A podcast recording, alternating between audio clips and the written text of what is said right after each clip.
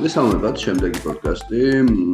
მე მის წამყვანი დათო სამნიაშვილი ვარ და ჩვენი დღევანდელი სასაუბრო თემა იქნება სოფლიოში ალბათ ერთ-ერთი ყველაზე ცნობილი და ალბათ ერთ-ერთი ყველაზე მნიშვნელოვანი მეცნიერი.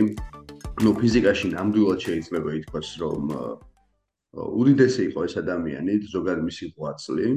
ეს არის ისააკ ნიუტონი. დღეს ვისაუბრებთ, როგორც გემოვიდით, ისააკ ნიუტონზე. აა ვიცავთ მის ცხოვრებაზე, მის შრომებზე, თუ რა გაუკეთებია ამ ადამიანს, რატომ არის ის ესე დაფასებული და რამდენად განსხვავებული ადამიანი იყო, მაგასაც მოიხილოთ და შემიძლია წინასწარ გითხრათ პატარა სპოილერებით, რომ ის რეგულარულად ნამდვილად განსხვავებული და საინტერესო ადამიანი იყო, უცნაურიც კი, თავის პოჩ შეგვიძლია ვთქვათ. ამ თემაზე ჩვენთან სასაუბროთ არის ირაკლი ჯოხაძე, ფიზიკოსი. ირაკლი მოგესალმები, როგორ ხარ? გამარჯობა, კარგად, შე როგორ ხარ?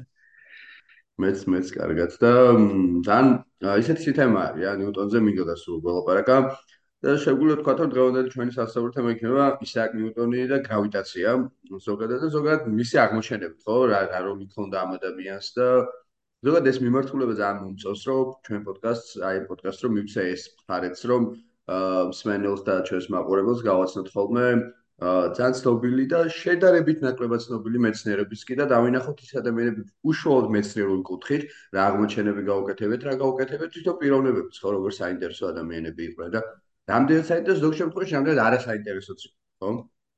რა შეგვიძლია ისე აი მანამ უშუალოდ ხარ ხო ნიუტონზე ის შრომებს დემოს გავეთ, როგორი აი ორი სიტყვით როგორ დაახასიათებდი ნიუტონს, როგორ ტიპი იყო შენთვის რა? აა ნამდვილად განსხვავებული იყო, ჩაკეტილი პიროვნება იყო, თელი დრო და ენერგია გადადებული ქონდა მეცნიერებაზე და მის გარეთ იშვიათად რო სხვა რაღაცა დაინტერეს, სხვა რაღაცა დაინტერესებული იყო. აა ევრისთვის უდიდესი ფიზიკოსი და არა მხოლოდ ფიზიკოსი, უდიდესი მათემატიკოსადაც მოიხსენება, ამიტომ მისი გაცნობით ნამდვილად ბევრ რაღაცას გავიგებთ. მის ერთ-ერთ თავარ წიგში სიტყვა მათემატიკაც ფიგურებს სათაურში, ხო და შეგვიძლია ვთქვათ, რომ მათემატიკის საწყისები, ხო, ესე ვქვია თუ არ აა ნატურალური ფილოსოფიის მათემატიკური საწყისები. ხო, კი ბატონო. ხო, მოდი მაშინ დავიწყოთ ნელ-ნელა. მე რაც ვიცი ნიუტონზე შემიძლია ვთქვა, რომ მართლაც შაკეტილი ინტროვერტი ადამიანი იყო და უცნაური იყო, ხო, იმიტომ მე ძალიან აი ეს უცნაურობა მასში, იმიტომ ცოტა რომანტიზირებასაც ახდენს თვითონ ეს პერსონაჟი. თავის თავის რატო? იმიტომ რომ თითქოს ერთ-ერთი ბოლო ასეთი დონის მეცნიერია, რომელიც აა მეცნიერების და ზუსტ კვლევების პარალელურად არის გადართული ისეთ რაღაცებში, როგორც არის ალქიმია, ცოტა მაგია, ცოტა უცნაური რაღაცები, ხო?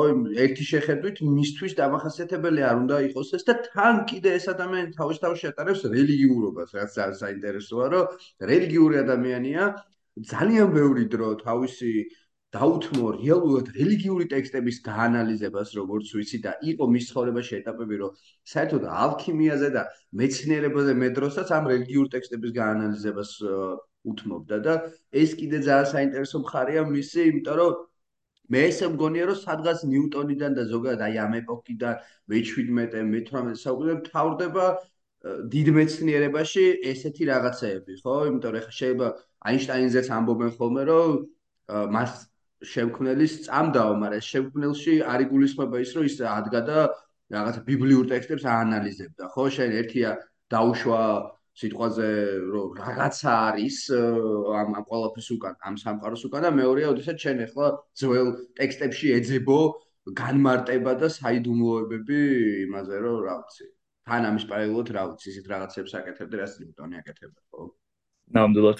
ცდილობდა ყველა ცოდნიდან იმ დროს არსებული რაც იყო ამოიღო ინფორმაცია და ამით შეესწავლა როგორ იყო სამყარო შექმნილი და მასში ღმერთის როლს სერიოზულად და ცენტრალურად მიიჩნევდა. კი ბატონო. როგორ დაიწყო თვითონ ნიუტონის ალბათ შეგვიძლია ქრონოლოგიურად მივყვეთ, ხო? როდის დაიბადა დაახლოებით და რა რეალობაში გაიზარდა? და ეგ ეგ რაღაცები ძალიან საინტერესოა. როგორ განვითარებოდა მისი ფსიქიკა, ეგაა ძალიან საინტერესო, რა. მოჩანს ხო ეკრანი? კი ბატონო. აა, ხო, ნუ აა ვისაუბრებთ ისააკ ნიუტონზე როგორც მეცნიერზე, ალქიმიკოსზე და თეოლოგზე. აა დასაწყისში ტრაგიკული ბავშვობით დაიწყო. აა ამაზე ვისაუბრებთ, შემდეგ სწავლა განაგრძო კემბრიჯის უნივერსიტეტში, კაცოთ ტრენტი კოლეჯში, განვიხილავთ ნიუტონის აღმოჩენებს სხვადასხვა მიმართულებით ფიზიკაში და მათემატიკაში და ამასთან მის საიდუმლოებს, რომელსაც მის ცხოვრების განმავლობაში არავის უმხელდა. და ეს შემდეგ ასეულობით წლის მერე აღმოაჩინეს. ამბობენ, ხო? რაღაც ექსლები დააჩვენეს თეოლოგია და ბოლოს აჰა. და ბოლოს ცხოვრების ბოლო პერიოდზე ვისაუბრეთ, როდესაც სხვადასხვა თანამდებობები ეკავა. დაიბადა 1652 წლის შობა დღეს, რაც გარკვეულწილად შეიძლება სიმბოლურიც იყო მის შემდეგ ცხოვრებაში და ეს მშობიარობა იყო ნაადრევი, ძალიან პატარა დაიბადა.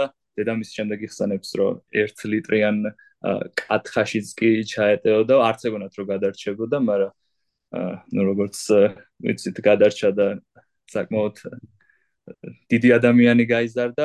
მის დაბადებამდე 2 თუ 3 თვით ადრე მამამისი დაიღუპა, რაც შემდეგ გარკვეულწილად ალბათ ტრამულად აისახებდა მის მომავალ ცხოვრებაზე. ამასთან, როდესაც 3 წლის იყო დედამისი მეორე დაქორწინდა საკმაოდ შეძლებულ ფერმერზე და ნიუტონი მიატოვა, დაუტოვა შობლებს აღსაზრდელად. და ნიუტონი შემდეგ რო იხსენებს ამ პერიოდს 19 წლამდე ჩადენილ ცოდებს შორის ერთ-ერთად მოიხსენიებს რომ იმდენად იმოქმედა მიტოვებამ რომ სურდა დედამისი და მამინაცვალი სახლში დაეწვა რასაც ნუ შემდეგ საუბრობ ნანობდა და ნუ ცოდად მიიჩნევდა ა დედამისი შემდეგ დაბრუნდა ეს მეორე ქმარიც გარდაეცვალა მეორე დაქრუდა და აა ცდილობდა რომ ნიუტონი სკოლიდან გამოეყვანა, იმიტომ რომ უნდოდა როგორც მამამისი ფერმერად გაეზარდა. სულთაშორის მამამისაც ისააკ ნიუტონი ერქვა. აა თუმცა სკოლაში დაარწმუნეს რომ განათლება უფრო მნიშვნელოვანი იყო და ეს ასეც მოხდა. ბულინგის მსხვერპლი იყო და იმისთვის თავი გამოეჩინა თავი გამოეჩინა სხვადასხვა რაღაცას ქმნიდა. იქნებოდა ეს წისქვილი, რომელსაც თაგვი ამუშავებდა, მზის საათი, ფრანები, რომელსაც შემდეგ სანთელს გაბუაბამდა და სოფლად ხალხს აშინებდა და ასე შემდეგ. ბავშვობიდანვე მოკლედ დაინტერესებული იყო სხვადასხვა რაღაცის შექმნით. ეს არ ყოფილა რომ ბოლოს გამოაჩინა ეს ინტერესები. სკოლის მორჩენის შემდეგ უკვე აგრძელებს სწავლას უნივერსიტეტში, კემბრიჯის უნივერსიტეტში.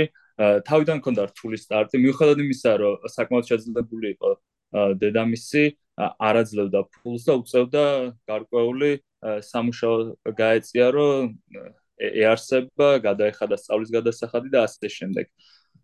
აა ხა რომ მიმოვიხილოთ რა ხდებოდა იმ დროს როგორ იყო სამყარო აღწერილი გაბატონებული იყო მაინც დეკარტეს თეორია რომელიც თუდა რომ სამყარო შექმნა ღმერთმა მაგრამ ეს იყო დაახლოებით მექანიკური საათის ანალოგი და ნუ შემდეგ მიატოვა და ყველაფერი ასე ვთქვათ საათივით აწყობილად მუშაობდა როგორც შემდეგ ირკვევა ნიუტონს არ მოწონდა ეს იდეა და ცდილობდა უფრო დეტალურად გაერკვია სუსტად რა იწევდა ამ თუნდაც პლანეტების მოძრაობას, როგორი იყო ეს ყველაფერი, რისგან შედგებოდა მატერია და არ სჭირდებოდა მხოლოდ ასეთ ზედაპირულ განცხადებას. ეს ისტორიულად რო შევხედოთ ეს პერიოდია, როდესაც თავიდან მონარქი ჩამოაგდეს ჩარლს პირველი, შეექმნა პირველი რესპუბლიკა და მე ისე მონარქი ბრუნდება კონტინენტიდან ჩარლს მეორე და ნუ ამ დროს ყოველას უხარია, აღნიშნავს ზეიმობს, ყველა სვამს უნივერსიტეტი იქნება თუ ის გართობა. ნიუტონს კიდე პირიქით აღიზიანებს ეს ის და უკვირს სხვები როგორ ატარებენ ასე დროს. თვითონ კი თავის ნუ ოთახელთან ერთად მუხჩაუხრად მუშაობს და გამოთვლები უყარდა ძალიან. ეს არ იყო მისთვის უბრალოდ რაღაც რუტინული სამუშაო ანუ ეს საქმიანობა უყარდა აი აქ სურათზე გამოსახული არის ლოგარითმებს და ამ შემდეგ ითვლიდა 40 ძიმის შემდეგ 50 ციფრის სიზუსტით. აა ამიტომ ხო ეს გამოთვლები როგორ როგორ აი ეს ნიშნავს ძიმის შემდეგ ან ყველაფერს თუნდა ძალიან ძალიან შეიძლება არც ჭირდებოდა მაგრამ ან მისთვის გადაცება იყო ეს გასართობი იყო თავშესაქცევი იყო ერთგვარი. და დღეში როგორც ვიცი ყოველ დღე მუშაობდა დღეში 18 საათი. გამიგია კიდევაც რომ ხანდახან 2 საათიც კი ეძინა და დანარჩენი თელი დრო მუშაობას უთმობდა ეს რეალურია ვითომ რომ ამდენი ეს რეალურია ვითომ რომ ეს ცოტა ეძინა და იყო პერიოდი შემდეგ არის პერიოდი როდესაც ამბობს რომ აი თავის მეგობრებს უჩივის. ერთ-ერთი ჯონ ლოკი არის რომელიც ნობელი არის შემდეგ სხვადასხვა მიმართულებაში. პოლიტიკური იმებით პოლიტიკური თვალსაზრისით უჩივის რომ უნდა რომ გოგოებით შემაცდინოსო და მერე ნანობს რომ და ბოდიში სუხტის რომ ხუთი ღამე არ მიძინეაო და ამიტომ მომივიდა ესეთი ესე თყულა რომ გაბრალებდი რაღაცებს და როგორ როგორც ჩანს დღე და ღამე მართლა ფაქტურად შრომაში ატარებდა არ არ გადაადგილდებოდა არსად ფაქტად თელი დღე და ღამე იყო ერთ ოთახში გამოკეტილი და გამოსვლების და სწავლის და კითხვის გარდა არაფერი არ ინტერესებდა. ქონდა ანუ აი რა არის, ხო? თორსები ასოციაცი, ასე თქვა ციგნი, მაგრამ ზირთად წყარო მაინც ინფორმაციის იყო, მოდიოდა ეს ხელნაწერები, მუდამ და მუდამ და აქედან იგებდა ახალ-ახალ ინფორმაციებს. ხო, ანუ რატო რა შევცი რომ აი ეს სიმბოლურად რო არის დაბადებული, ესე ვთქვათ, შობას, ხო? აა შეიძლება მაგან მართლა რაღაც დისმის, იმიტომ რომ რომ შეხედო მის ბიოგრაფიას ეს ადამიანი ანუ აი თითქოს ცდება თავისი ამბიციით იმას რომ აი გინდაც გრავიტაცია აღმოაჩინოს ან გინდაც რაღაც აი აინშტაინის რომ თქვა აინშტაინმაც რაღაცა ფარდობითობის თეორია აღმოჩენ მაგრამ ან ეს ადამიანი თითქოს ცდება იმიტომ რომ ამ ამის მიზანი თითქოს არის ის რომ აი მართლა ბოლომდე ყველაფერს ჩაწვდეს და რა ეპოქაშია ხო რეალურად რას უნდა ჩაწვდე ხო ანუ მაგრამ აი თითქოს მაგიდეებით არის შეპრობილი, იმიტომ რომ შეიძლება მართლა იმიტომ იყენებს მე ამ ალქიმიასაც, რელიგიაში და ხვდება რომ ეს ის ეპოქა არ არის რეალურად რომელშიც თვითონ ცხოვრობდა, რომ ადგეს და მეცნიერებით ყველაფერი ახსნას. რაც კიდე გენიოსი იყოს და რაც კიდე არ დაიძინოს, ვერ ახსნიდა უბრალოდ, იმიტომ რომ მე მგონი თვითონ ნიუტონის სიტყვებია, თუ არ მეშლება, არ უსს, სხვისი თუ არა, რომ მეო დგავა სხვის მხრებზეო და იმიტომ ხედავ შორსო რა და მიუხედავად მაგისა, ჯერ კიდე ძალიან ბევრი მხარი იყო საჭირო იმისთვის, რომ კიდე შორს გავხდა, კიდე მეტია საჭირო და ნიუტონი ამას ვერ შეძლებს და მაგიტო ვიფიქრო, შეიძლება მაგიტო მისი ფსიქიკა იქითკენ გადადის, რომ ახსნას. არ ნებდება მოკლედ თავის არ ნებდება ნამსაკუთრებულობას და თავის შეიძლება იმ თავი გონი იდეად განსაკუთრებული რომ მართლა გამოსავალი რა არის ხო თუ მეცნიერით ვერ ხსნი მიდიხარ ფანტაზიებში ეგრე არის ნამდვილად მაგ დროსაც რელიგია და მეცნიერება არ არის ცალსახად გამიჯნული და კიდევ მეცნიერები მიუხედავად ჩუმად მაგრამ ალქიმიას მისდევენ. და თვითონ ნიუტონიც კი თulis რომ ღვთისგან რჩეულად არის მოვლენილი რომელსაც შეუძლია გაშიფროს ბიბლია გაშიფროს ეს ძველი ხელნაწერები იპოვოს საიდუმლოებანი ამ ალქიმიაში და ასევე მეცნიერებასაც აწვევდა. ხა იმ დროს შეიძლება ეს მანდამაც მეცნიერება არ ერქვა, მაგრამ აი გამოთვლებით და მართლა უნდოდა რომ ყველაფერი ექსპერიმენტულადაც ეჩვენებინა, არ იყო რომ მანდამაც მარტო რელიგიით ყოფილიყო და სხვადასხვა მოკლედ მიმართულებით ცდილობს რომ შეუტიოს სამყაროს ამოხსნას. ყველანაირი ცოდნა რაც კი გააჩნია. განათლებით რა შეგვიძლია ვთქვა ამ განათლებით ვიცი რომ იურიდიული განათლებას ქონდა ხო?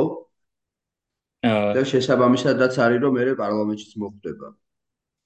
იურიდიულ განათლებაზე არ გამიგია, შეიძლება მასეც იყო. აა შეიძლება ხო. მე თუმცა სხვადასხვა ენათლებითაც ქონდა. ხო. სხვა მრავალხრივ განვითარებული იყო და მრავალხრივ ცოდნა ქონდა ნამდვილად. ხო, აი როგორ როგორ ჩაერთო რეალურად, აი როგორ შეგვიძლია თქვა, რომ რეალურად როდის ჩაერთო და როგორ ჩაერთო მეცნიერებაში და აი როგორ იწყებს რეალურად უკვე როგორ უახლოვდება ღირებულ კვლევებს, რამაც მე ნუ ნიუტონი გავაცნო. აი აი ახლა მიუახლოვდებით მაგას. აი სანამ უნივერსიტეტში არის, ნუ პირველი რაც მათემატიკაში გააკეთა ეს იყო, ნუ ბინომიალური თეორემა განაზოგა და ნუ ბინომიალურ თეორემას რო შევხედოთ არის ესეთი რაღაცა ცნობილი იყო რომ x + y ხარისხად n-ი, როდესაც n-ი არის არაუარყოფითი, მაგრამ მთელი რიცხვი n-ი უდრის 0 1 2 და ასე შემდეგ როგორ იქნებოდა x + y ხარისხად ენის გაშლა და ნიუტონის განზოგადოება ის იყო, ну, ამ დროს არის 23 წლის, როდესაც ენი არამხოლოდ მთელი, არამედ ნებისმიერი არაუარყოფითი რეალური რიცხვი. მაგალითად, ენი უდრის 1/2-ს, ენიუდრის 1/13-ს, 3/5-ს და ასე შემდეგ. ანუ პირველი ეს იყო მათემატიკაში რაც გააკეთა, მაგრამ თავარი მაინც მისი ყველაზე შეიძლება ითქვას პროდუქტიული წლები იყო, როდესაც აი 1665 წელს იწყება ბუბონური ჭირი, როდესაც ლონდონში მოსახლეობის 1/4 ფაქტურად იმსხვერპლა, ამასთან არის კიდე ლონდონის ცეცხლი, ლონდონში ცეცხლი, კარანტინი არის, უნივერსიტეტი იკეტება და ნიუტონი უბრუნდება სახლს სადაც ფაქტიურად აღმოაჩენს და გარღვევებს გააკეთებს ოპტიკაში, კალკულუსში და გრავიტაციაში. ეს ორი წელი ითვლება მაინც მის ალბათ საწყისად, როდესაც უკვე დიდ მეცნიერებაში იწყებს სერიოზულ მიღწევებს. Ну უნივერსიტეტში შესაძლოა ბრუნდება უკვე წარჩინებული სტუდენტი არის და ირჩევენ ლუკასის პრეზიდენტად. არ პროფესორად ეს მანდამენს ქართულად არ ვიცი education professor როგორ თქმა უნდა მასავალ დასი არის. რომელიც ნუ შემდეგ სტივენ ჰოკინგს ეკავა ეს თანამდებობა. ამ დროს უკვე როდესაც შენ პროფესორად გირჩევენ დამატებით მოვალეობა არის რომ კავშირი გქონდეს ეკლესიასთან და ამას უკვე გაურბის ნიუტონი. თუ მანამდე სტუდენტობისას უწევდა რომ დათანხმებოდა რომ თუ რამე საჭირო გახდებოდა რომ რელიგიურ ბრძანებებში, რელიგიურ ლიტურგიებში მიიღო მონაწილეობა, არ არ ქონდა არანაირი პრობლემა, მაგრამ უკვე ამ დროს გარკვეული განსხვავებული წარმოდგენები აქვს რელიგიაზე და არ ეთანხმება დიდად არც ანგლიკანიზმს, არც კათოლიციზმს და უკვე იყენებს იმ შესაძლებლობას, რომ თუ პროფესორად აირჩევენ, შეუძლია მოიმიზეზოს, რომ დიდი დრო უნდა დაუთმოს მეცნიერებას და როგორმე თუ შეიძლება რომ მოუხსნან ეს რელიგიური შეზღუდვები და ამისთვის მართლა მეფესთან თხოვნით მიდის და მეფე მართლა აძლევს უფლებას, რომ გათავისუფლდეს რელიგიური მოვალეობებისგან. ანუ ხო ისეც შემდეგ ხდება, რომ ირჩევენ სამეფო საზოგადოების წევრად, რომელიც ნუ თვითონ ჩარლზ მეორემ ჩამოაყალიბა 1660 წელს და აქ გაერთიანებული იყო ის ხალხი, ნუ ვინც წარმატებული იყო მეცნიერებაში. ну ახლა განვიხილოთ ნიუტონის აღმოჩენები რომელიცაც აბსოლუტურად ოპტიკასთან მივდივართ ბუბონის ჭირის პერიოდი, როდესაც სახლში იყო და ფიქრობდა სხვადასხვა რაღაცაზე. ანუ პირველი რა რა წარმოდგენები იყო ოპტიკაზე, ну არისტოტელიდან დაწყებული დეკარტემდე, იყო რომ ეს თეთრი სინათლე არის, ვთქვათ, წმინდა და თუ პრიზმაში გავატარებთ და მივიღებთ სხვადასხვა ფერს, ეს იმით არის განპირობებული, რომ სინათლე ურთიერთქმედებს მატერიასთან და ამიტომ იცვლის ფერს, ასე ვთქვათ.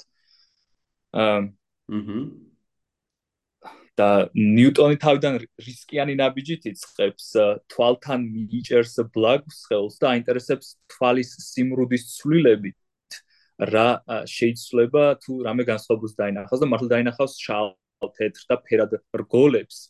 თუმცა ნუ შემდეგ დაუბრუნდება პრიზმას პროსაფთხო მეთოდს რომ თვალი არ დაეზიანებინა. იღებს სპექტრ რომელიც სხვა სხვებისთვისაც ცნობილი იყო მაგრამ განსხვავებას რასაც გააკეთებს არის რომ ამ სპექტრიდან გამოსულ ერთ ფერს მაგალითად წითელს დაუხვედრებს მეორეს მეორე პრიზმას. და აქედან ნახავს რომ წითელი თუ გაივლის პრიზმაში ისევ წითლად რჩება აღარ იცვლის ფერს.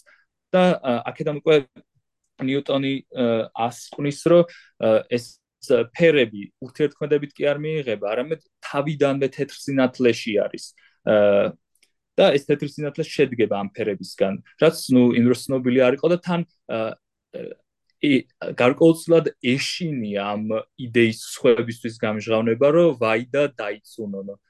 აა ნიუტონი ეგეთი ტიპი იყო, რომ თუ რამეს აღმოაჩენდა მაქსიმალურად სწორად სხვებისთვის არ ეთქვა, მაგრამ თუ სხვებს ეთყოდა, ჯობდა დაგეჯერა მისთვის, თორე მაგაზე ცეცხლდებოდა ძალიან და სხვადასხვა დავები ექნება შემდეგ სხვადასხვა მეცნიერებთან ამასთან ნიუტონი აწვებოდა სინათლის ეგრეთ წოდებულ კორპუსკულარულ ბუნებას, ანუ ნაწილაკობრივ ბუნებას, რასაც ნუ იმითი ამართლებდა, რომ თუ სხეულს ეცემა სინათლე, უკან წარმოიქმნება ჭრდილი და ნუ ტალღარო ყოფილიყო სინათლე, მაშინ ეს ჭრდილი არ იქნებოდა.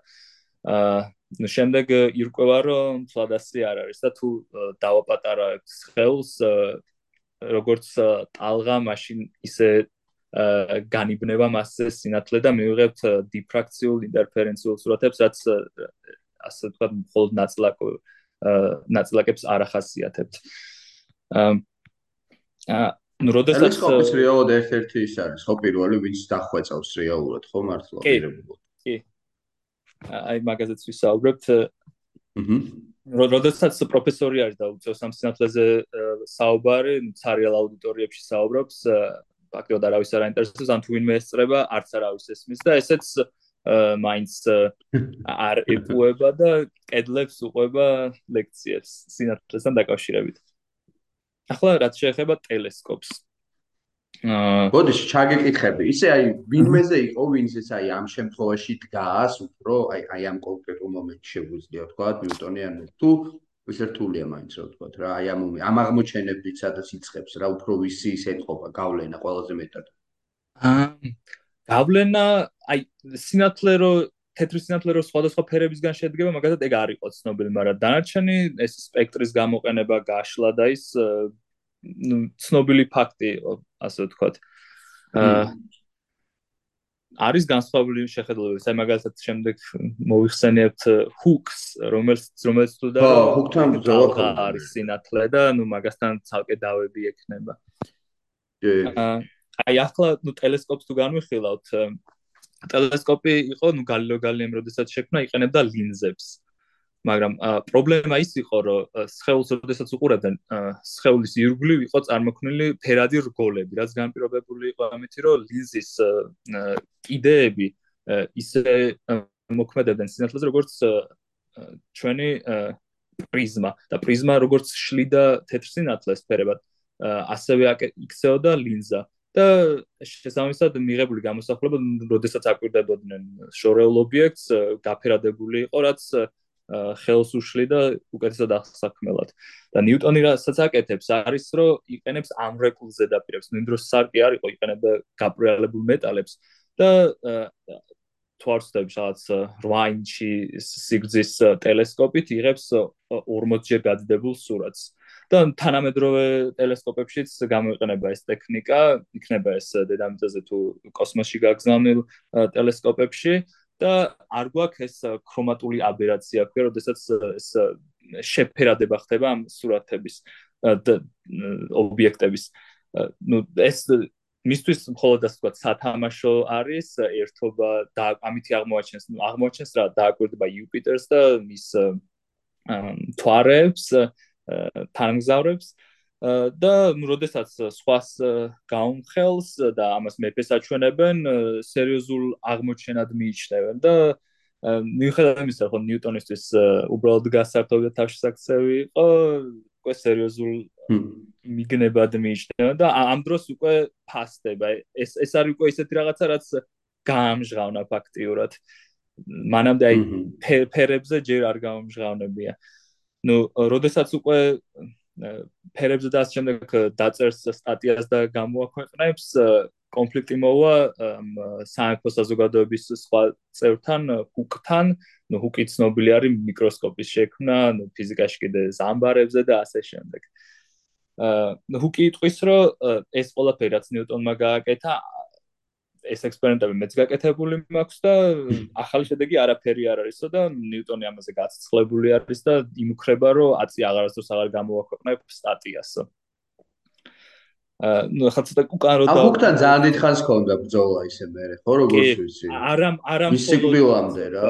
არამ მხოლოდ ოპტიკასთან დაკავშირებით, შემდეგ გრავიტაციასთან დაკავშირებითაც. და მე რაც პრო ძალას მოიწონა ძლიერადებს ის ჰუქს ნუ იმისთვის რომ ნუ ეს ეს ოპტიკას არ შეეხება. ახლა უკვე როდესაც თუ უნდა რომ აღეწერა მოძრაობა და ნუ გრავიტაცია, ამისთვის სჭირდებოდა დამატებითი აპარატი. მათემატიკური, რომელსაც კალკულუსი ეწოდა. აი კალკულუსზე ვერ ვთქვით რომ ადამიანის ნიუტონის აღმოჩენილი არის თავიდან ბოლომდე. ბევრი რაღაცა იყო მანამდე შექმნილი, იქნება ეს დაწყებული ძველი საბერძნეთი, ინდოეთი, ჩინეთი, ახლო აღმოსავლეთი, ბევრი რაღაცა იყო გაკეთებული. თუმცა ნიუტონმა თავისთვის სასარგებლოდ გამოიყენა და რა თქმა უნდა განავრცო. ნუ საბოლოო სახე მაინც არ მიუღია 100-150 წლის მერე არის უკვე, ოდესაც კოში და ვაერშტრასი შემოდის, უკვე უფრო კაცრად ხდება კალკულუსის ჩამოყალიბება. ნუ კალკულუსი ჭირდებოდა ცვლილების აღსაწერად, იმისთვის რომ აი ეკონომიკა იქნება, ფიზიკა იქნება, მათემატიკა იქნება, ნებისმიერ რაღაცის ცვლილება თუ გვინდა, გავიგოთ და შევისწავლოთ მის აღმწერ ფუნქციას განვიხილავთ და უყურებთ როგორ იცვლება წარმოებული საშუალებით.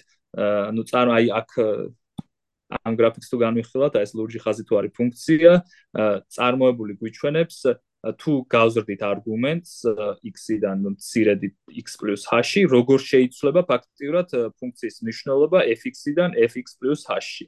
ანუ ამ ცვლილების შესასწავლად გამოიყენება ეს წარმოებული და წარმოა თუ დავაპატარებთ ამ ზომას და რაც შეიძლება მოუახლოვებთ ამ წერტილს, ამ წერტილში ცვლილება იქნება ამ ფუნქციაზე გავლებული მხები. Ну ეს დასჭირდა ახსაწერად რომ ცვლილებები ეყვა შემდეგ მოძრაობის განტოლებაზე რომ განვიხილავთ სიჩქარე არის კოორდინატის ცვლილება.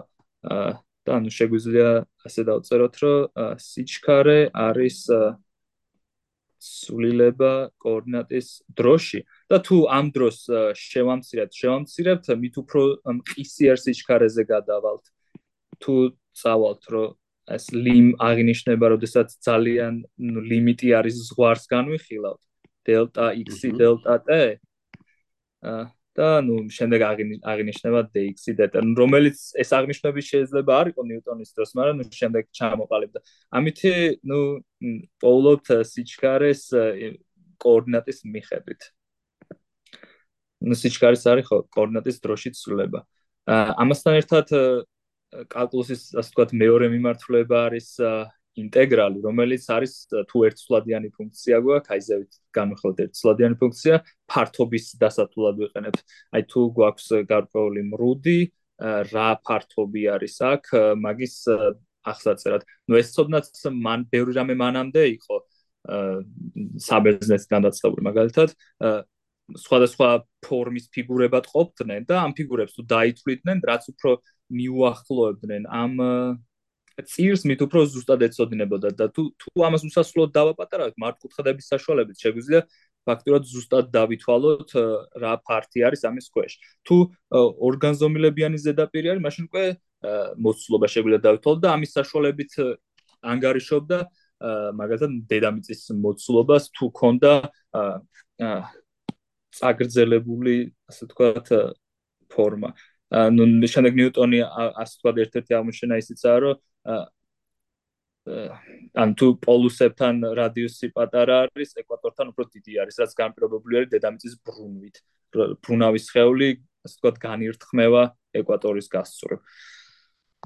და ნუ ასევე შეგვიძლია ინტეგრალის საშუალებით ვიპოვოთ კოორდინატის იჩქარის მიხედვით. ანუ ეს მათემატიკა ჭირდებოდა იმისთვის რომ შემდეგ ფიზიკური პროცესები აღეწერა და შემდეგი არის მოძრაობის განტოლებები. ნუ ეს მოძრაობის განტოლებები უკვე არის იმ ჩვენ ხსენებულ ნატურალურ ფილოსოფიის მათემატიკურ საწყისებში და იწყებს როგორ აღიწერება ნუ სხეულის მოძრაობა. პირველი კანონი არის ნუ ინერციის კანონი, თუ სხეული ასე ვთქვათ უძრავია ან მოძრაობს თანაბრად, ეს ორი მდგომარეობა ფიზიკაში ერთნაირად განიხილება. აა მაშინ თუ მასზე გარესხეული არ იმოქმედებს, მუდმივად ამ მდგომარეობაში დარჩება. ან უძრავი იქნება, ან მუდმივი სიჩქარით მოძრაობს, ну სწორი ხაზის გასწრებ. ნიუტონის მეორე კანონი აა გალილეო გალილეირო პიზას კოშკიდან რაღაცებს ხრიდა ანუ ეს ხო რაღაც მაგის ფორმატში არის ფორმატში რაღაც მაგასთან მოდის ხო მე მგონი? კი კი კი. გალილეო გალილეისაც ქონდა თავის შეხედულებები. თუმცა ნუ აი აქ ძალას რო წერდა აჩქარებას არა უფრო სიჩქარესთან აკავშირებდა.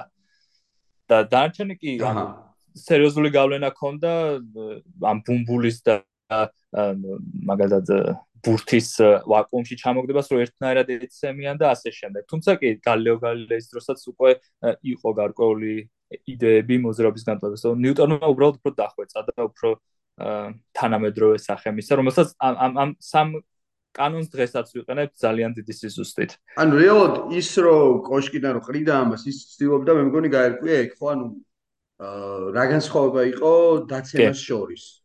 კი. რეალურად. როგორ ეცემა სხვადასხვა სხეული.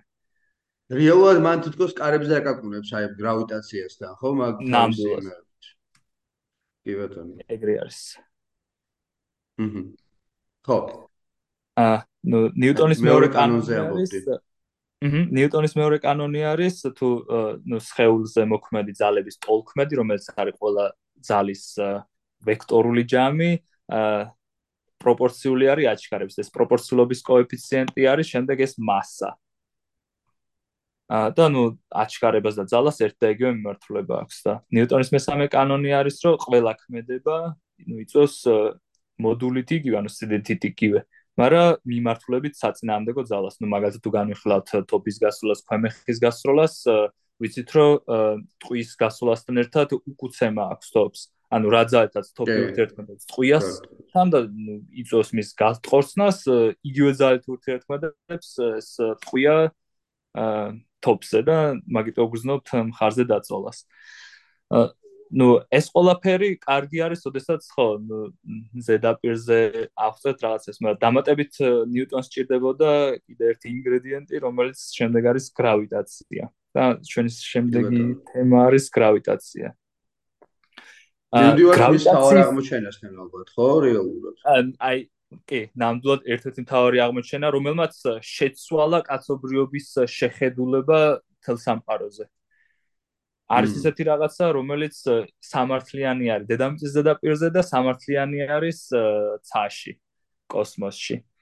აა ну ამაზეც ფიქრობდა მაშინ როდესაც ჭირის დროს каранტინი იყო და დროს არ ხარჯავდა სკროლვაში და გამოიყენებდა ინტერნეტი გათიშული ქონდა სწავლაში თუმცა ხო ну ამის მერე ну გადაერთო სხვადასხვა მიმართულებით თეოლოგიაში, ალქიმიაში და მივიწყებული ქონდა. ამ დროს შემოდის ასტრონომი ჰალი რომელიც კითხვას უსვამს ნიუტონს. რა როგორ ტრაექტორიით იმოძრავებს პლანეტა მზის გარშემო თუ ვიცით რომ ურთიერთქმედება არის უკუპროპორციული მანძილის კვადრატის. და ნიუტონმა უპასუხა რომ ელიფსო და საიდან იციოდა რა გამოთვლილი მაქვსო და შეიძლება მანახო და ნუ იქ ვერ მოძებნის, მაგრამ არაუშავსო დაგიწერო, ახლიდან გამოვიყვან და გამოგიგზავნიო და მართლაც რამდენიმე თვის მერე უგზავნის, ნუ უკვე გამოცემს თავის ციგნს და ნუ ერთ-ერთი არის დამტკიცება, რომ მართლაც თუ ურთიერთქმედება არის დისტანციის კვადრატულად უკუპროპორციული, მაშინ ეს ტრაექტორია იქნება ელიფსი. ამ დროს უკვე არის ცნობილი კეპლერის კანონები, რომელიც არის ნუ დაკურებების შედეგად მიღებული, რომ ნუ მართლაც ეს პლანეტები მოძრაობენ ელიფსის გარშემო და ერთ-ერთ ფოკუსში არის მზე. ნუ ერთი შეეხება იმას, რომ ერთნაირ ფართობებს შემოწერს, აი თუ ეს არის პლანეტის ტრაექტორია, ეს ფართობი ერთ დროში შემოწერილი იგივე იქნება რაც აი შორს რო იყოს. ანუ აქ სიჩქარე გაცლებით ნაკლები არის V1, V2-ზე. აქ უკვე სწრაფად მოძრაობს და ეს ფართობები იქნება ერთი და იგივე ესა მეორე და კიდე მესამე კანონი არის რომელიც აკავშირებს პერიოდს ამ დისტანციასთან, რადიუსთან. ანუ გარკვეული იდეები უკვე არის ნიუტონის თავარი მიგნება გრავიტაციაში ეს არ არის უკვე აი როგორც ჰალი ეკითხება უკვე ცნობილი არის ხობისთვისაც რომ ურთიერთქმედება სავარაუდოდ მცირდება როდესაც ობიექტები შორდებიან ერთმანეთს და ნუ ეს პროპორც უკუ პროპორციული არის მანძილის კვადრატის. აა და ნუ მარტო ამით არ კმაყოფილდება ნიუტონი აინტერესებს უფრო მეტი უნდა რომ კავშირი დაიჭიროს მაგალითად თვარის დედამიწის გარშემო ბრუნვასა და ნუ ვაშლის ჩამოარდნას შორის. ნუ ვაშლის ჩამოარდნაზე დებატები არის ნამდვილად მოხდა თუ არა. აა ეგ მე ვიცი რომ მითია. მე ვიცი რომ მითია. რაღაც წყაროებში ეგრეა. ხო, ანუ ხა ხო როგორ როგორ ამდენს რო წვალობ და მე ისე ვაშლის დაცემას არ აღგონია ნო კი თუმცა აინშტაინზეც არის ხო აი არის აინშტაინზეც არის მაგალითად რომ თავის ფარდობითობის თეორიის ერთ-ერთი მნიშვნელოვანი მაშინ აღმოჩნდა როდესაც სადღაც მეტროს სადგურზე თუ სადღაც იყო და ეს საერთოდ შეხედა. თუ? ლიფტში რომ მოძრაობდა კი მაშინ დაიჭირა კავშირი. ხო შეიძლება ეხლა რაღაც განათლებები შეიძლება მართლა სადღაც მოხდეს ხო როგორც ვიცი ის არის ვაშლის ხეები მის საფთან ეზოში მაგრამ ხო კი ხო დასაიდესო ყოველდღიურად მართლა მოხდა თუ უფრო ლეგენდა იქნება კი ეს ხალი ვიზეთ საუბრობ სვენერისთვის დამაყურებელს თქვა დავა ეს ის ხალი ალბათ ხალის კომეტაზე ნამდვილად ნამდვილად ხალი იწინასწარმეტყველა ასე თქვა როდის დაბრუნდა გამოთვალა როდის დაბრუნდებოდა ეს კომეტა ну ხალი და ნიუტონი კიდე სხვა სხვა რამეში არის კავშირში ну ნიუტონის ნიუტონის თვლის ფესვებს განტოლების და ნუ ჰალის აქვს მანდაც ერთი ნაბიჯი გადადგმული შემდეგ და ნუ ჰალიზე აი ხა შეგვიძლია მაგალითად თქვათ შემდეგი ჰალის კომეტის ვიზიტი იქნება 2061 წელს. ნუ ერთ წელთან ახლო არის რაღაცა და ნუ ეგ შემდეგ ვახსენოთ. ნახევარი გზა გაიარა სხვა შორის უკვე. აჰა. ხო. ნიუტონი მხოლოდ ამითი ასე თქვათ არ დაკმაყოფილა, ბულა აინტერესებდა კავშირი იყო თუ არა დედამიწის გარშემო მაგალითად თვარის მოძრაობასა და დედამიწაზე დავარნილ ობიექტებს შორის. და ამისთვის წარმოსახვით ექსპერიმენტი გამოიყენა. ნუ აინშტაინიც ბევრ წარმოსახვით ექსპერიმენტს იყენებდა. აა ნუ ექსპერიმენტი შემდეგში მდებარეობს გომარებს. აი თუ განვიხილავთ დედამიწაზე და მთაზე არის სქვემეხი, თუ გავისვრით სხეულს, გრავიტაცია თუ არ იქნებოდა, ну, როგორც ვიცით, პირდაპირ გააგრძელდა მოძრაობას. არაფერი შეუშლდა ხელს. გარეშე ძალა თუ არ არსებობს. მაგრამ როგორც ვიცით, გრავიტა არსებობს რაღაც ძალა, რომელიც იზიდავს. თუ სიჩქარე პატარა არის, იქვე დაეცემა. თუ სიჩქარეს გავზრდით, უფრო დიდ მანძილს გავლის, მაგრამ დაეცემა. და ნიუტონმა ესე იბარაუდა, რომ გარკვეული სიჩქარე უნდა არსებობდეს, ну, რომელსაც შემდეგ პირველი კოსმოსური სიჩქარე ეწოდა. როდესაც ეს გატყორცნილი თელ დედამიწას წრეს შემოარტყავდა და დაბრუნდებოდა ისევ. და მივიღებდით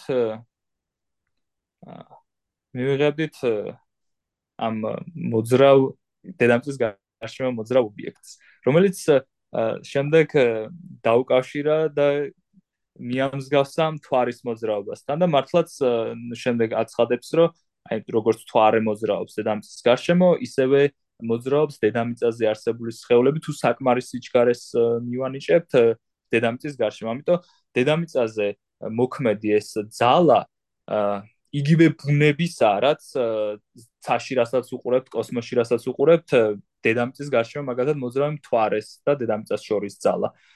და ნუ ეს არის ასე ვთქვათ პირველი ძალების გაერთიანება, როდესაც ხო ამ დედამიწაზე ურთიერთქმედებას ერთი უტოლებს და აბამს მაგალითად ზის გარშემო მოძრავ პლანეტებს. და ამას ერთშეკითხვის უნივერსალური კანონი. არ აქვს მნიშვნელობა სად ვართ იუპიტერის გარშემო მოძრავი თანამგზავრები იქნება თუ ზის გარშემო მოძრავი თანამგზავრები პლანეტები ეს ყველაფერი აღიწერება აი ამ განტოლებით. რომელიც ხო ნუ როგორც ვიცით უკუ პროპორციული არის დისტანციის კვადრატის ანუ თუ 10 ჯერ გავზრდეთ მანძილს ორ სხეულს შორის ძალა 100 ჯერ შემცირდება. პროპორციული არის თითოეულის მასის თუ მასა სკაუზრდით მიზიდულობის ძალა გაიზრდება და ნუ აქ არის გრავიტაციული ნიუტონის კონსტანტა, ნუ რომელიც იმ დროს არ იყო გაზომილი ექსპერიმენტულად მოხდა შემდეგ აა ლაბორატორიაში გაზომა უკვე ძიმე ობიექტების მეშვეობით. აა ხო, პრობლემა ის იყო, რომ ან თუ ურთიერთქმედებები იცოდნენ, იცოდნენ ერთ ბურთს თუ მეორე ბურთს დავაჯახებით, მაშინ გასაგები იყო, რომ უშუალო კონტაქტი იყო, მაგრამ ეს დედამიწის გარშემო მთვარის მოძრაობა თითქოს არაფერი ძაფი არ იყო გაბნული ამ ორ სხეულს შორის და რაღა ის შეკითხვა მქონდა. ხო, მაშინ რაღა იზიდავს და როგორ როგორ ხსნიდნენ, აი როგორ წარმოდგენა ქონდათ, აი მაინტერესებს აი ეს დაცემა რატო არ ხდებოდა? რა რეალურად რა? ანუ გასაგებია რომ დაუშვეს რომ ბრუნავდა მე რატო არ ეცემ ხო ეს აჩქარი როგორც როგორც როგორც აი აქ ქვემეხს რო გავისვრით ეს ბურთი მოძრაობს მოძრაობს. თუ თუ დაბალი სიჩქარე არის მაშინ ვარდება მაგრამ თუ საკმარის სიჩქარე არის თან ვარდება და თან იმდენად წინ მიდის რომ მაინც არ ეცემა. აი თვარეც ესე არის ანუ თვარეც ასე ვთქვათ, ვარდება დედამიწაზე, მაგრამ არ ეცემა, იმიტომ რომ ამ დროს ისეთ საკმარის სიჩქარე აქვს, რომ რამდენადაც დავარდება, იმდენჯერად იმდენად წინ წაიწევს და მუდმივად რჩება ორბიტაზე. დავარდნასა და წასვლას შორის, უკან წასვლას შორის. კი, თუ სიჩქარეს მოუმატებთ, ნუ გაიზრდება. თუ სიჩქარეს შევამცირებთ, თვარის თუ დაკარგავს სიჩქარეს, მაშინ დაეცემოთ და როგორც ვიცით, ნელ-ნელა უფრო შორდება და შორდება.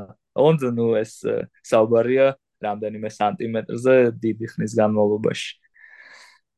თუმცა ხო მაინც რთული წარმოსადეგი იყო როგორ რატო არის ეს ურთიერთქმედება ისე რომ არანაირი კონტაქტი არ არის და ნიუტონის ერთ-ერთი ან თავის თავის დარწმუნებული იმიტომ იყო რომ ესეთი ძალა შეიძლება არსებობდეს რომ ანუ ისე ალქიმიასთან აკავშირებდა რომ იქაც უხილავი რაღაც პროცესები ხდება და ამიტომ შეიძლება აქაც ესეთი რაღაცა არსებობს. თუმცა მართლა როგორ როგორ აღიწერებოდა იცოდნენ შეეძლოთ გამოეთვალათ ბევრი რაღაც აი მაგალითად ჰალიმ რო გამოთვალა როდის დაბრუნებოდა კომეტა დიდი დიდი სიზუსტით, მაგრამ ბუნება თვითონ გრავიტაციის არ იყო ცნობილი. ну ბოლომდე არც დღეს არ არის ცნობილი. ну აინშტაინმა გარკვეული ინტერპრეტაცია და უფრო მეტი სიზუსტე შეძინა, მაგრამ გრავიტაცია ჯერ მაინც ყველაზე ბუნდოვანი ძალა არის. აი, ბამბოდ მაგას ჩაგეკითხები ისე ისე, აი გრავიტაცია ვიცი რომ გრავიტაციის დაკავშირება ვერ ხდება კვანტურ მექანიკასთან და ეგ საერთოდ ფიზიკის გრალია, ხო? მაგრამ აი მაკრო ხო, აი მაკრო სამყაროზე რა დონეზე არ გვესმის გრავიტაცია შეიძლება ოდნავ იდეაში არც არის გადახვევა, იმიტომ რომ გრავიტაციაზე საუბრობთ ნიუტონს არის. ეს გრავიტონების ფაქტორი მაინტერესებს რა რეალურად, ანუ რამდენად რეალურია ეს და საერთოდ აი ეს ფაქტორი თვითონ გრავიტაცია აი ნაწილაკურ დონეზე თუ გვესმის რა რაღაც დონეზე. აა ხო აი კი აი ხო ანუ პრობლემა ეგ არის რომ გრავიტაციის ასე ვთქვათ დაკვანტვა ვერ ხდება. აი თუ შეგვიძლია ელექტრომაგნიტური ურთიერთქმედება დავკვანტოთ, გრავიტაციის დაკვანტვა არ ხდება.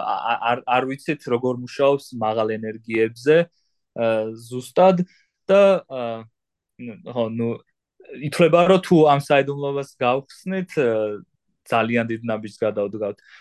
პრობლემა დიდ მასშტაბებზე კიდე ის არის რომ ამ ჩოლებრივ მატერიასთან ერთვება ბნელი მატერია და ბნელი ენერგია, რომელიც ცალკე შეუსწავლელი საკითხები არის და ამიტომ იმისთვის რომ ავწეროთ მაგალითად როგორ მოძრაობს მზე galaktikis ცენტრის მიმართ არ არის საკმარის ვერ ახსნის მხოლოდ აი ეს განტოლება. თუ ავიღებთ ცენტრში არსებულ შავხრელს და მზეს. საჭირო არის კიდე დავამატოთ ეს ბნელი მატერია, რომელიც დამატებით გრავიტაციას ეფექტებს იწვევს და აღწეროთ ამ ვარსკვლავების, ну, მაგალითად galaktikis ცენტრის გარშემო მოძრაობა. თუმცა ხო, ბებე გრავიტონებზე რა შეგვიძლია ვთქვა თვითონ გრავიტონებზე ეს? ხო, ну, გრავიტონებიც ესე არ არის მანდა მაინც ის გრავიტონები არის, შეიძლება როგორც გრავიტაციის კვანტები და კვანტულეს. ითვლება რეალურად, ხო და არა ის რომ ვიცით, ხო, აი მაგის თქმა. ხო, არა, ცოდნით არ ვიცით. ეგ რა გიშლის ხელს რომ ვიცოდეთ მაგალითად თუ უშვებთ, რატო არ ვიცით, რო არის თუ არა ეს გრავიტონი, რა პრობლემაა მის დაჭერაში? აა ალბათ ანუ მაღალი ენერგიები გჭირდება რომ ეგ ეგეთი რაღაცა დაუნზე და ახალ ახალ ახალ ნაწილაკებს რომ ვუყურებთ ყოველთვის და ყოველთვის მაღალ და მაღალ ენერგიაზე გჭირდება ასვლა. ნუ როგორც ჩანს აქ იმისთვის რომ ნუ გრავიტაცია გავაერთიანოთ ამ დანარჩენ ძალებთან უფრო და უფრო მაღალი ენერგიები გჭირდება, რომელიც არის ფაქტორად სამპაროს შექმნისას არსებული ენერგიები, რომელიც ჯერჯერობით ყოველ შემთხვევაში მიუღწეველი არის. ანუ ეს ღია შეკითხვაა. ხო, ანუ ეს ღია შეკითხვაა, მაინც გრავიტონის არსებობა საერთოდ არ არსებობა, მაგას გულისხმობს გულისხმობს. ოკეი, ეგრე არის. თუმცა უამრავი თეორია არის, ну, სადაც გამოიყენება და ბევრ ამეს, ასე ვთქვათ, ცდილობენ რომ ახსნან და ასე შემდეგ. აჰა. თვითონ ნიუტონი როგორ ხედავდა ის? ცი აი ხა იმაზე რომ საუბრობ ძალიან საინტერესოა, მაგრამ მას ხო არ ესმის ეს არც ნაწილაკები არ ესმის, აი როგორ ხსნიდა ნეტა თვითონ გრავიტაცია რა არის? თუ რაღაცა არ არ თვითონაც და უბრალოდ უშვებდა რომ აი ეს უხილავი რაღაცები შეიძლება არსებობდეს და ნუ გარკვეულწილად შეიძლება ეს ალქიმია მაგ მხრივ აფერხებდა რომ უფრო დამატებით ჩაღრმავებოდა როგორც მეცნიერი. რო აი შეიძლება მაგითი დაკმაყოფილდა რომ შეიძლება რაღაც უხილავი ასეთი არსებობდეს და მაგაზე თან წერტილი დასვა. თუმცა ხო ზუსტად პირადად არ ვიცი როგორ შეიძლება და მისთვის ეს დამაკმაყოფილებელი ყოფილიყო. როდესაც სხვა ხრივ არ კმაყოფილდება და არ ნებდება. ხო, მაგითო გამიჩნდა ის შეკითხვა. აჰა. აა, ხო, ნუ ეს რაც შეეხება მის ფაქტობრივად ძირითად აღმოჩენებს და ამის შემდეგ იწყება უკვე, აი როგორც უკვე ვახსენეთ, ალქიმია, მისი საიდუმლოები, რომელსაც აი ეს გრავიტაციის დამტკიცებას როგორ ახერხებს? ანუ აი ეგ ეგ გამიჩნდა ხა შეკითხვა, ანუ აღმოაჩინა და რამდენად ხდება მისი მიღება მარტივად. აი მაგალითად ფარდობითობის თეორიაზე ვიცით რომ აა სპეციალური თეორია 1905 წელს აინშტაინმა კი შეიმუშავა, მე 1915-ში იყო ზოგადი, მაგრამ დიდხანს ეს ანუ არსებობდა, მაგრამ მისი არც მიღება და ეს დიდი გამოხმაურება არ არ ქონია თავიდან და საერთოდაც რო ელოდა დაჯდა ფეხი ფეხზე გადაიდო ჭყალებში და ელოდა, მაგრამ არაფერი რეაქცია არ მოყვა ძალიან დიდხანს ამას და აა მე იყო უკვე ნელ-ნელა მოყვა ამას, რა თქმა უნდა, თავისი გამოხმაურებას და ყველაფერი. აი ამის შემთხვევაში როგორ იყო? აი გამიჩნდა ხა ეგ შეკითხვა. ნიუტონი ამდენად მარტივად მიიღეს, მალე მიიღეს, საერთოდ როგორი რეაქცია ჰქონდა? თუ კი არა, ეს ეს ნამდვილად სენსაცია იყო თავიდან. აი როგორც ფაქტიურად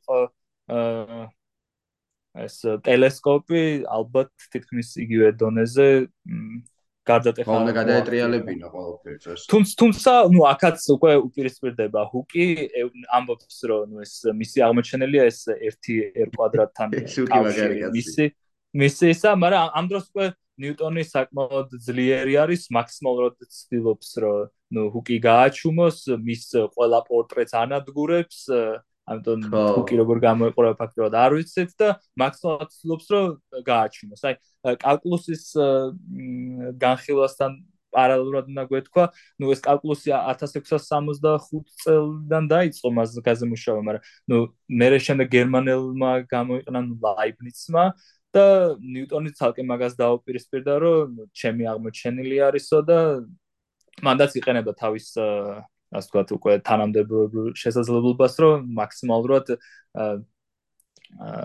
პლაგიატში დაედანაშაულებინა. თუმცა ნუ როგორც როგორც ითვლება მაინც ძირითადად დამოუკიდებლად მიიღეს ლაიბნიცმა და ნიუტონმა ეს თავისი შედეგები და ნუ განსხვავებული აღნიშნები არის თანამედროვეობაში დიდად ალბათ არც ეს არ ვიყავს, მაგრამ უფრო მაინც ლაიბნიცთან ახლოს იქნება. აა ხო ნიტოს ბევრი კამათები მოუწია სხვადასხვა აღმოჩენების ეს ჰუკი რატო ყავდა ესე გადამტერებული ისე იდეაში? მართლა არის რამე სერიოზული კვეთები თუ ცოტა ის არის ხო ანუ ჰუკიც თავის რო რა თქმა უნდა დაწინაურებული მეცნიერი იყო ანუ მიკროსკოპი იქნება ეს თუ აი ზამბარაზე ჰუკის სიხისტის კოეფიციენტი ან თუმცა ჰუკის კოეფიციენტი არის ну საავადმყოფოდ ნუ ოპტიკაშიც ქონდა შედეგები და გრავიტაციაშიც თუმცა ну ალბათ აი ეს თვითონ ну ნიუტონის თავარი წვლილი ალბათ გრავიტაციაში მაინც ის იყო რომ აა ну ცალკე დაამტკიცა რომ ეს ელიფსის განტოლება იქნება თუ ზალა აღიწერება ასე ну თავის კალკულუსის გამოყენებით და მათემატიკური აპარატით და პლუს ის რომ გაერთ დაუკავშირა ფაქტიურად სხეული თუ დედამიწაზე დავარდებოდა იგივე ტიპის ზალა იქნებოდა რაც თვარის მოძრაობა ან პლანეტების მოძრაობა მზის გარშემო. და ამაზე არ ვიცი იცოდა თუ არა ჰუკმა და ქონდა თუ არა მაგაზე განცხადება. თუმცა უფრო უფრო როგორც ვიცი მგონი აი ამ 1-2 კვადრატთან დაკავშირებით ქონდა პრობლემები. თვითონ როგორ გამოისახებოდა ეს ზალა ჰმ ასე გებია ხო, ну, გადავდივარ საიდუმლოებაზე. საიდუმლოებაზე, რომელსაც, ну, ჯერ თვითონ ამ მეცნიერებაში აღმოჩენებსაც დიდად არ ამჟღავნებდა ნიუტონი, იმიტომ რომ კრიტიკის ეშინოდა და ну, უამრავი ბრძოლა უწევდა, მაგრამ ну, უკვე ალქიმია ისეთი სფერო იყო, რომელსაც მაქსიმალურად ცდილობდნენ, რომ ჩუმად გაეკეთებინათ. ნუ სხვა საზოგადო სხვა სამეფო საზოგადოების წევრების როგორც ვიცი ატარებდნენ ალქიმიას, მაგრამ ნუ გასადუმლებული იმიტომ იყო, რომ ნუ ალქიმიის ერთ-ერთი ქვაკუთხედი იყო, რომ მიეღოთ ნუ მაგიური ნივთიერება ფილოსოფიური ქვა. და ნუ ითვლებოდა რომ ეს ფილოსოფიური ქვა ნუ უკვდავებას აძლევდა და ავადებების განკურნავდა ადამიანებს და ნუ ერთ-ერთი მთავარი კიდე ის იყო რომ შეეძლო ფაქტობრივად ნებისმიერი მატერია გადაექცია ოქროთ. და ნუ ზოგი იბრალებდა რომ აი ეს შემიძლია და მართლა ეს მაღალ მაღალი თანამდებობის პირები ქირაობენ ამ ხალხს რომ აბა მიდი გადამიწიო ნებისმიერ ნივთიერება ოქროდ. და ნუ დიდი რისკი ის იყო რომ სიკვდილით ჭიდნენ ასეთ ხალხს. თუ თუ მართლა გააყალბებდი მოყვებოდა სიკვდილით დაჟა და ერთ-ერთი მიზეზი რის გამოც ეშინოდათ ამ ღია და ალქიმიის ჩატარება, ну, სიკვდილით დაჟა იყო და ეგ იყო. თუმცა, ну, როგორც ვიცი, რელიგიასთანაც წინააღმდეგობაში მოსული ხარ. კი, ну, მაგია ეს და რელიგია და მაგია არ იყვნენ შეთანხმებულები. მიუხედავად იმისა, რომ რეალურად ერთად არიან რაღაც. აა ხო, ну, ნიუტონი როგორც ვიცი, დიდად არ იყო დაინტერესებული ოქროდ გადაექცია, და ნუ ამით გამდიდრებული. მე რე ნუ აღმოაჩენთ, რომ პირიქით ცდილობს დაუპირისპირდეს ესეთ ხალხს, მაგრამ ნუ აინტერესებდა როგორისგან შედგება მატერია, როგორ ხდება ამათი სხვადასხვა ქიმიური ნივთიერების ურთიერთქმედება და უფრო მოკლედ მეცნიერული ინტერესი ამ ამოძრავდა და იყენებდა ალქიმიას და არა ის, რომ ნუ მაგალითად გამდიდრებულიყო ამ გზით. აა ნუ ნიუტონი იყენებდა წარსულის მითებს და აჰა ზოგადად ეს ალქიმიკოსები მაქსიმალურად მიღბავდნენ თავიანთ რეცეპტებს ამ სხვადასხვა მითოლოგიური ლეგენდებით. ნუ ერთ-ერთი არის მაგალითად რომაელი პოეტის ოვიდის პოემა მეტამორფოზა, სადაც ну არის ვულკანი ღმერთი რომელიც შეუსწრებს რომ ვენერა ღალატობს მარსთან და ну გამოიყენებს ნივთიერებას რომელთაც ამორს დააბამს და ну სხვები ასე ვთქვათ უყურებენ დასცინიან და ასე შემდეგ და ну შენიღბული აქ ის არის რომ ხო მაგალითად ვენერა იყო სპილენზი მარსი იყო რკინა ვულკანი ცეცხლა თუ ამ სამს შეურევდით ერთმანეთში მივიღებდით ისეთ ნივთიერებას, რომელიც ერთი ნაბიჯით ახლო იყო უკვე ფილოსოფიურ ქვასთან. და ნუ აი ასეთ ტერმინ კიდე სხვა ტერმინოლოგიას იყენებენ, რომ მანდამაინც პირდაპირ ამ ნივთიერებებზე არის ლაპარაკონ და გარკვეულწილად დაშიფრონ. ნუ ხო, ნუ ერთ-ერთი რითიც ნიუტონი დაინტერესებული იყო ასევე იყო მეტალის ვეგეტაცია. ნუ აი აქ გამოსახული არის სურათზე ეგრეთ წოდებული დიანას ხე, რომელიც არის აა ვერცხლის წყლის ურთიერთქმედება ვერცხლის ნიტრატთან და ვიღებთ ასე ვთქვათ ხის ხესავით გაშლას და თითქოს მეტალი ცოცხლდება. აი შეგვიძლია ნახოთ ვიდეო ამასთან დაკავშირებით. აი ხის ხო დიანას ხე. აა ნუ ნელი პროცესი არის შეიძლება მაგრამ ხო ნუ ვუყურებთ რომ ეს მეტალი ნელ-ნელა ამ მეტალიდან ნელ-ნელა თითქოს ეს წვეტები გამოდის თითქოს ტოტებივით იშლება. და ნუ ამის საფუძველზე ნიუტონი ფიქრობს რომ არა მხოლოდ ნუ ხე და ნუ სხვა ცოცხალი ორგანიზმი არ ცოცხალი მეტალებსაც კი გარკვეულწილად თავისი სიცოცხლეუნარიანობა გააჩნია და არ მხოლოდ მეტალებს თლიანად მეტალები სადაც არის დედამიწაც კი გარკვეულწილად ცოცხალის არის სუნთქავს ჩაისუნთქავს ამოისუნთქავს და ასე შემდეგ. ნუ რაც შეზონ დღევანდელი წარმოდგენით სისულელი არ, მაგრამ იმ დროს გარკვეულ კავშირებს ეძებდა, თუ რამე ინფორმაციას მიიღებდა, ცდილობდა შემდეგ განევრცო ყველაფერზე. ნუ აი აქ უყურებთ, რომ ნელ-ნელა ტოტებივით გაიშალა.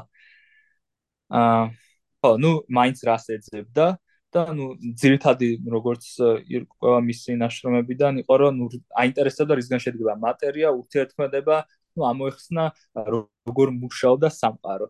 ანუ როგორც სამეცნიერო კვლევა ისე იყენებდა ამას და ნუ ერთ-ერთი დიადი მარცხი რაც განიცადა იყო სწორედ ალქიმიის მიმართულებით. ანუ თუ რამეს წამოიწყებდა, ბევრგან წარმატებას პოვებდა, ნუ აქამდე ვახსენეთ მისი სხვადასხვა აღმოჩენა.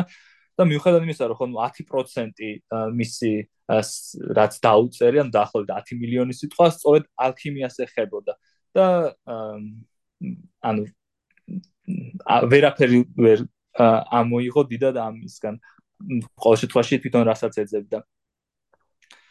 ხო ისე საინტერესოა თვითონ რას ამბობდა მაგით. ხო ერთია რომ ვერ გამოქონდა მაგრამ საბოლოოდ ალბათ მაინც დანებდა ნეტა? იგა დანებდა და მაგ პერიოდს ეხება როდესაც აი უკვე ღამეებს ათენებს ან ვერ არის უკვე ფსიქოლოგიურად დაღლილი არის, ავად ყოფობს და თავის მეგობრებთანაც კი გადამტერებული არის.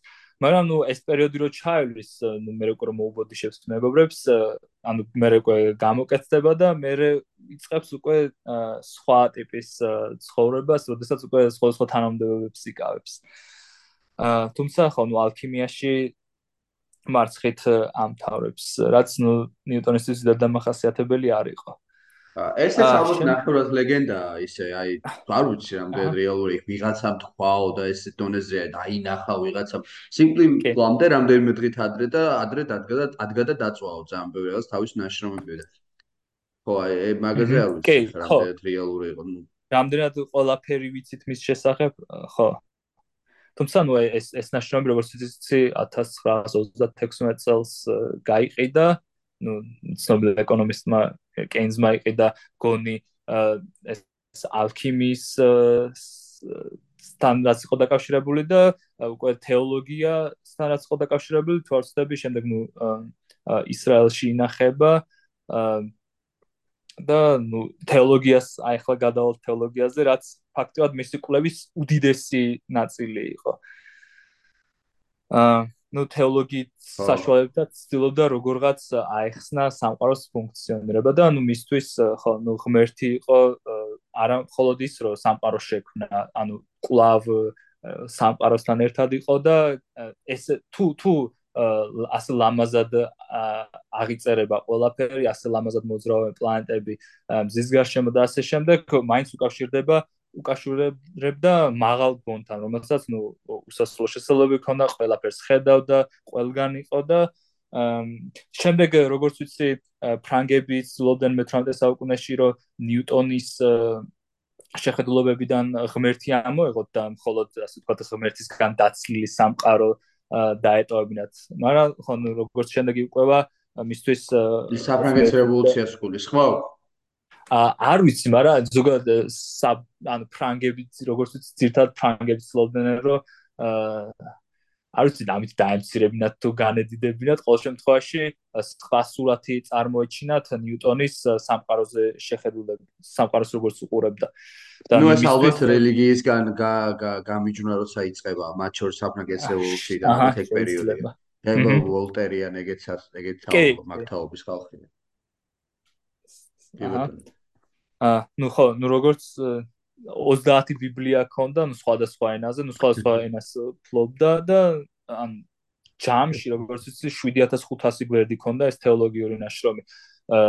სხვადასხვა მიმართულებით ამ ცდილობდა რომ გამოეკვლია თავიდან საწყისები როგორ შეიქმნა სამყარო და ნუ როგორ დამთავრდება ცდილობდა ესკიზები შეექმნა სოლომონის ტაძრის და ასე შემდეგ და ყველაფერში ეძებდა რომ რაღაცა საიდუმლო კოდი არის დამალულია ნუ ღმერთ თანამედროვე ენაზე რო ვთქვათ მაგარი კონსპირატორი ტიპი იყო მიუხედავად ამ ხელა მეცნიერული იმეებისა ხო აღმოჩენებისა. იმე კონსპირაციებს მიყვებოდა გიჟივი კი.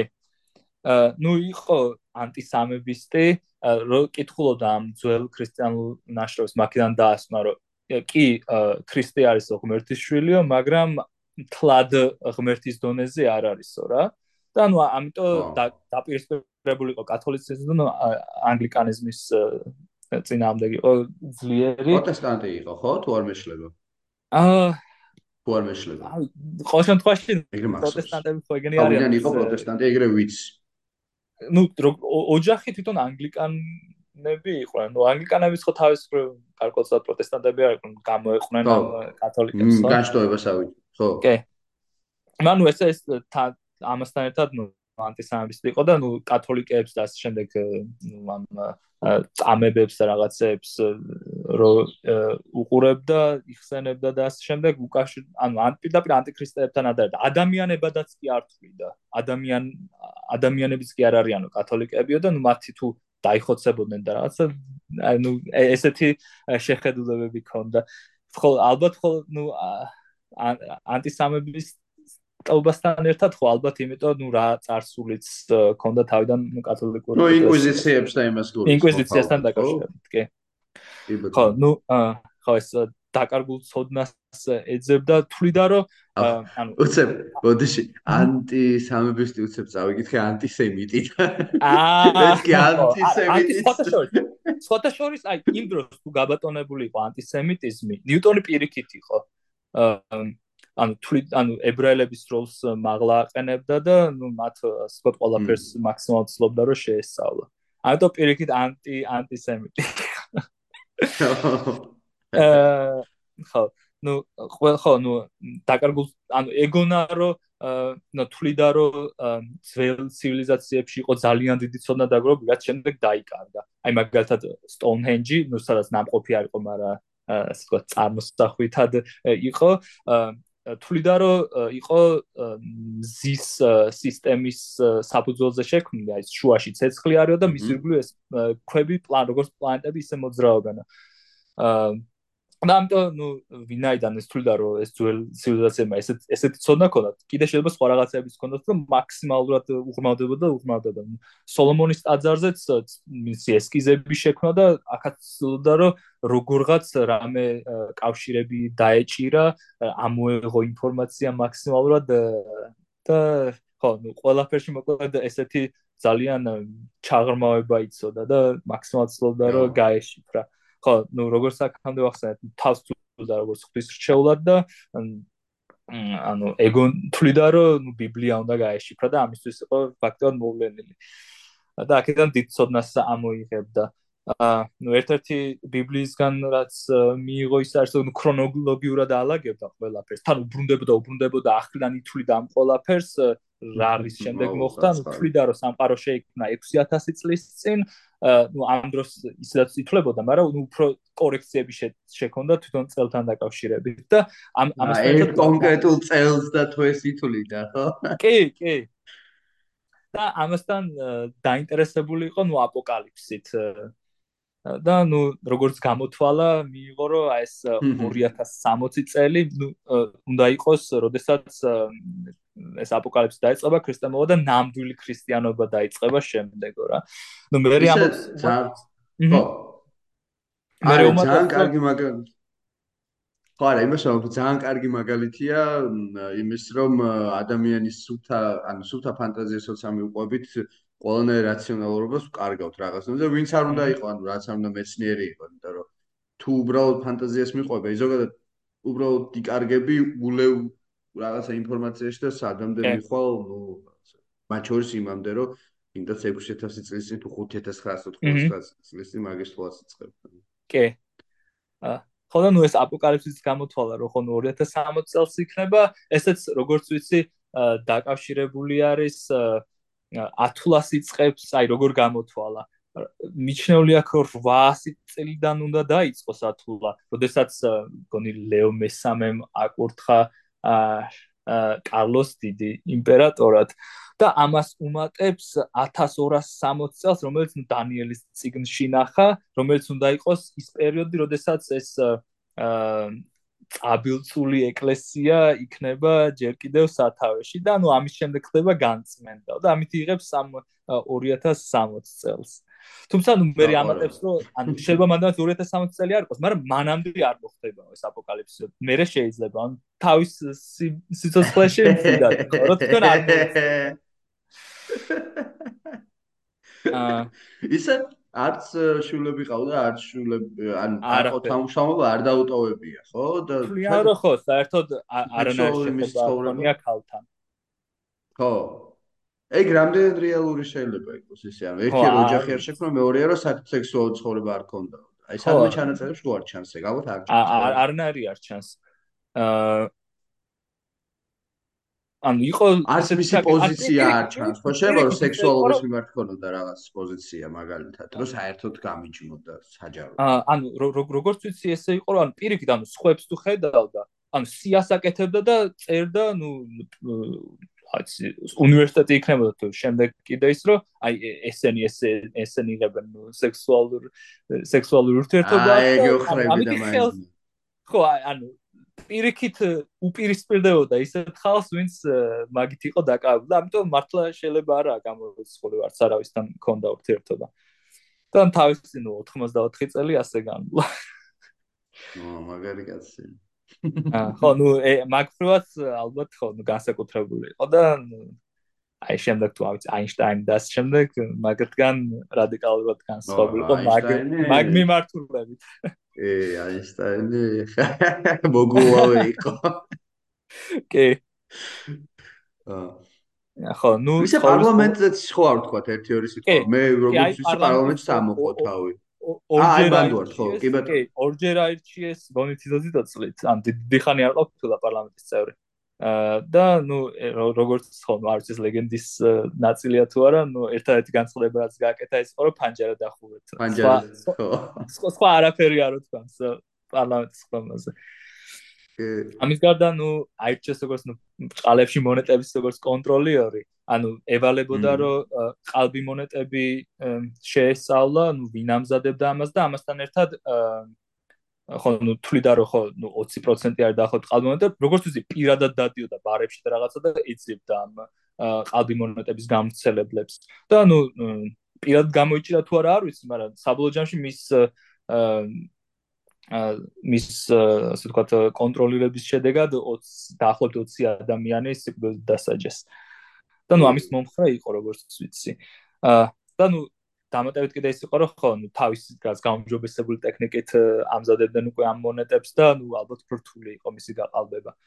აა ნუ ამ პარლამენტარობასთან ერთად შემდეგ ნუ რაინდადაც აკურთხეს, გონი მეორე მეცნიერი იყო იმ დროს, ოდესაც ასე თქვა რაინდადაც აკურთხეს და ნუ გარდაცვალება ხო ნუ ეს ებიში დააკრძალეს მეფეებთან და დედოფლებთან ერთად და ნუ მაგ დროს ხო დიდი პატივი მიაგეს. აა ხო ნუ ბოლოს ეს დაუწერე ხო ნუ აერთიანებდა ფაქტობრივად სამი ერთ შეხედვით ურთიერთგამორიცხავ მიმართულებას მეცნიერება ალქიმია მაგია და თეოლოგია და ნუ ნიუტონის კოსმოლოგია არის ნუ და როგორ წარმოედგინა დაახლოებით სამყარო ნუ თვლიდა რომ უცვლელი იყო ნუ როგორც აინშტაინი მე აინშტაინს ცდილობს რომ უცვლელი იყოს სამყარო მე რა ნუ ცვლის შეხედულებს და ასე შემდეგ მაგრამ ნუ ხო ნიუტონი თვლიდა რომ უცვლელია სამყარო და ნუ ეს გამპრობებული მითი რომ ნუ ეს ვარსკვლავები არის ისე სიმეტრიულად დალაგებული რომ აი ეს მიზიდულობის ზალა არ იწევს კოლაფს და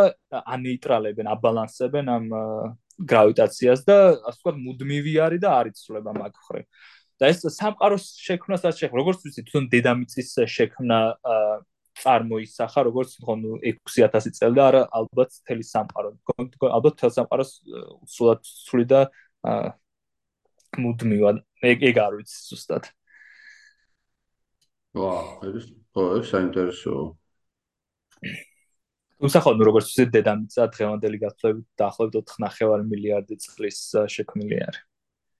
შექმნილი ისიც ხო, ნუ მზის გარშემო ამ ალბ სავარაუდოდ მტრის შემდეგ შეკვრით.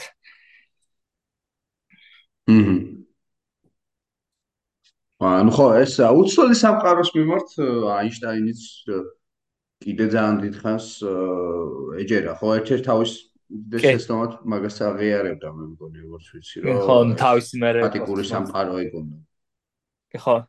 ხო ნუ ჰაბლ ჰაბლამდე რეალურად კი ჰაბლამდე ეგრე იცოდა ხო ეგრეც არის ხო მანამ არ ხედავთ რომ ეს ციფრი წანაცვლება თუ რაღაცაც შემოდის მე კი წანაცვლებაც გამპრობებული არის ამ ვარსკვლავების და galaktikები გშორდებიან რაც უფრო შორს არის მით უფრო სწრაფად გშორდებიან ამიტომ ხო მათიდან უკვე სტატიკურობასთან წინააღმდეგობაში მოვდივართ.